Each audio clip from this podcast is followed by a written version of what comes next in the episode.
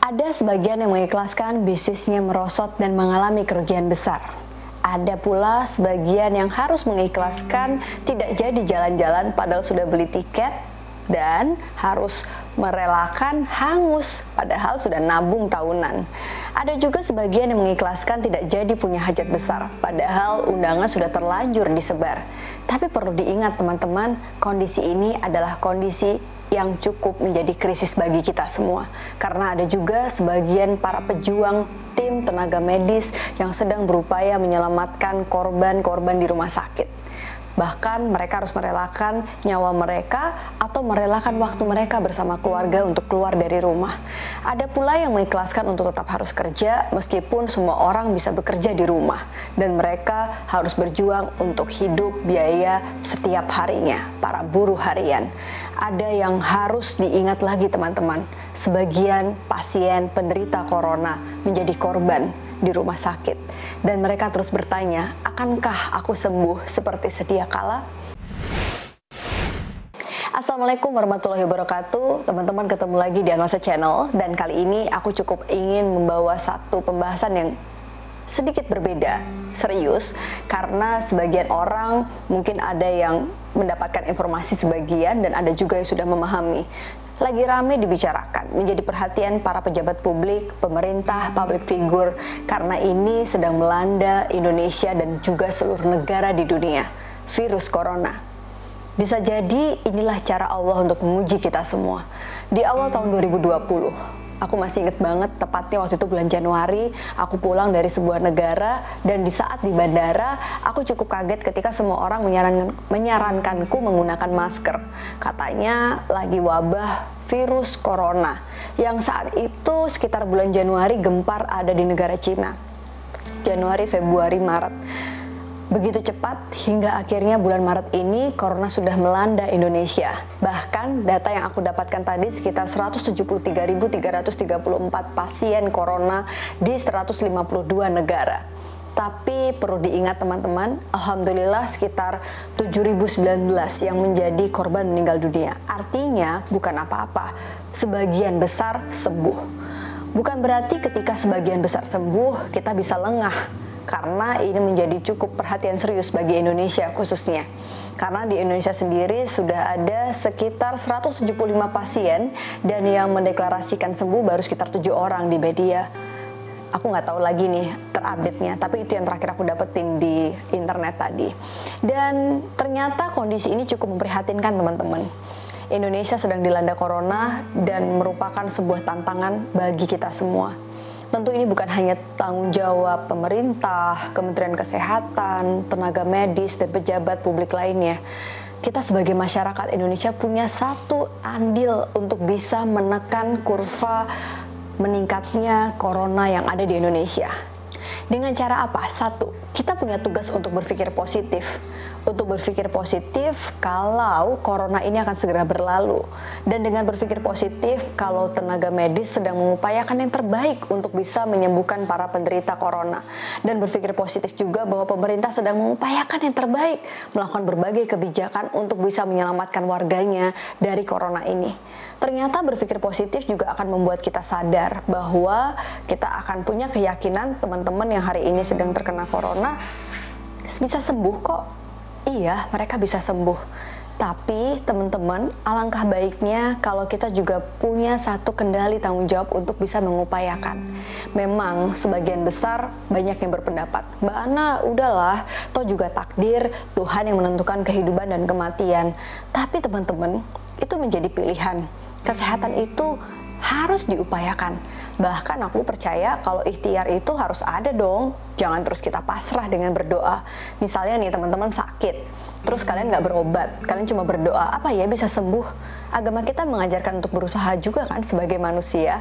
Kita lagi sholat, tiba-tiba ada bencana alam, apa ya kita tetap sholat? Itu sih logikanya teman-teman. Jadi memang nggak bisa kita menganggap bahwa ini hanya masalah yang membuat kita terus pasrah. Kita harus mengupayakannya menggali informasi sebanyak-banyaknya. Tapi ingat, tugas berikutnya adalah tidak panik. Karena kalau panik, kita jadi gampang terserang satu kondisi yang membuat adrenalin kita terpacu. Dan akhirnya kita jadi nggak rileks dan semakin ketakutan justru malah imunitas kita menjadi menurun. Nah, kalau kita panik, kita juga jadi gampang percaya sama informasi hoax. Jadi kalau dapat informasi, digali lagi nih kebenarannya, validitasnya, sumber yang terpercaya atau enggak. Dan ketika tidak panik, akhirnya kita harus satu nih, harus kita lakukan yang namanya patuh pada pemerintah. Percayalah teman-teman bahwa sekarang ini kan Presiden Jokowi lagi menghimbau kita semuanya untuk melakukan namanya social distancing. Ingat, menghimbau, bukan mewajibkan. Jadi kalau ada yang punya perspektif dalam notabene, ketika kemarin aku sharing di Instagram aku kayak Mbak Ana, gimana nih kita kan buruh harian, kita kan karyawan di perusahaan, kita nggak bisa libur. Kalau kita libur kita nggak gajian. Oke teman-teman, bedakan antara himbauan dan kewajiban. Jadi kalau memang teman-teman ini terpaksa notabene harus beraktivitas di luar rumah, silahkan, nggak ada yang melarang.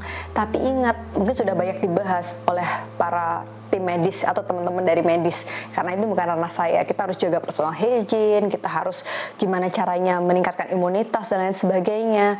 Tapi perlu diingat nih teman-teman kalaupun teman-teman ada di luar rumah berarti kita harus punya satu kecerdasan yang tidak hanya butuh cerdas tapi juga bijak. Karena kita harus punya satu kepekaan empati Tahu gak sih teman-teman, ketika kamu keluar rumah, ketika kita keluar rumah, kita tuh punya potensi loh.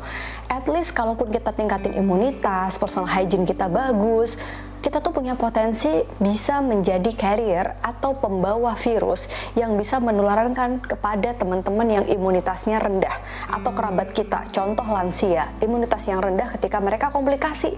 Jadi ketika kamu ngerasa kayak nggak apa-apa kok aku sehat-sehat aja, nyatanya teman aku liburan juga baik-baik aja, itu jujur aku sempat ada dalam pola pikir itu. Tapi setelah aku gali lagi informasi bagaimana cara kerja corona menularkan virusnya yang begitu dahsyat dan belum ada obatnya, aku jadi sadar bahwa ternyata kalau kita cuek, kalau kita seolah nggak mau peduli sama orang sekitar kita, kita kayak ngerasa yang penting gue sehat. Ini salah. Sama aja kamu merelakan orang lain untuk bisa menjadi penderita virus corona ini sebagai carrier berarti kita juga punya potensi membunuh orang lain, menyelamat uh, tidak menyelamatkan nyawa orang lain. Berarti kepedulian kita ada di mana? Nurani kita ada di mana? Itu sih teman-teman. Jadi please sekali lagi himbauan social distancing ini jangan dijadikan sebagai sebuah tekanan yang membuat teman-teman jadi ngerasa nggak nyaman, justru me me menebarkan kebencian di sosial media, terus kemudian juga membawa nilai-nilai ketuhanan. Please stop yang bisa kita lakukan adalah untuk terus berpikir positif bahwa apa sih upaya kita kalau emang kita bisa kerja dari rumah, kenapa sih kita harus keluar dari rumah? Mending kalau kerja, kalau jalan-jalan, liburan, ke pantai, ke mall, ke tempat keramaian, ke mana pedulian kita nih? Oke, ini adalah tentang kemanusiaan. Ini bukan tentang tanggung jawab sebagian orang saja. Ini bukan hanya tentang kesehatan satu dua orang saja. Atau aku ngomong gini bukan berarti demi aku doang atau keluarga doang gitu. Tapi demi kemaslahatan banyak orang. Kesehatan seluruh umat yang ada di Indonesia dan juga di dunia. Aku termasuk mengambil resiko untuk bisa membuat teman-teman satu kantorku kerja dari rumah. Tapi resiko ini nggak seberapa dibandingkan resiko ketika aku membiarkan teman-teman kantor ini tetap kerja di luar, padahal dia bisa kerja di dalam rumah dan kita bisa berkoordinasi di rumah. Kenapa resiko? Resiko mereka bisa tertular atau bisa menjadi korban atau resiko mereka menjadi carrier itu pertanggungjawaban aku sebagai pimpinan di kantor tempat kita kerja. Tapi aku percaya kok ini saatnya kita untuk berani melawan ketakutan. Jadi ketakutan itu bukan hanya tentang penyakit ini, tapi ketakutan tentang rezeki itu datang. Ketakutan akan adanya hari esok gimana perekonomian dan lain sebagainya.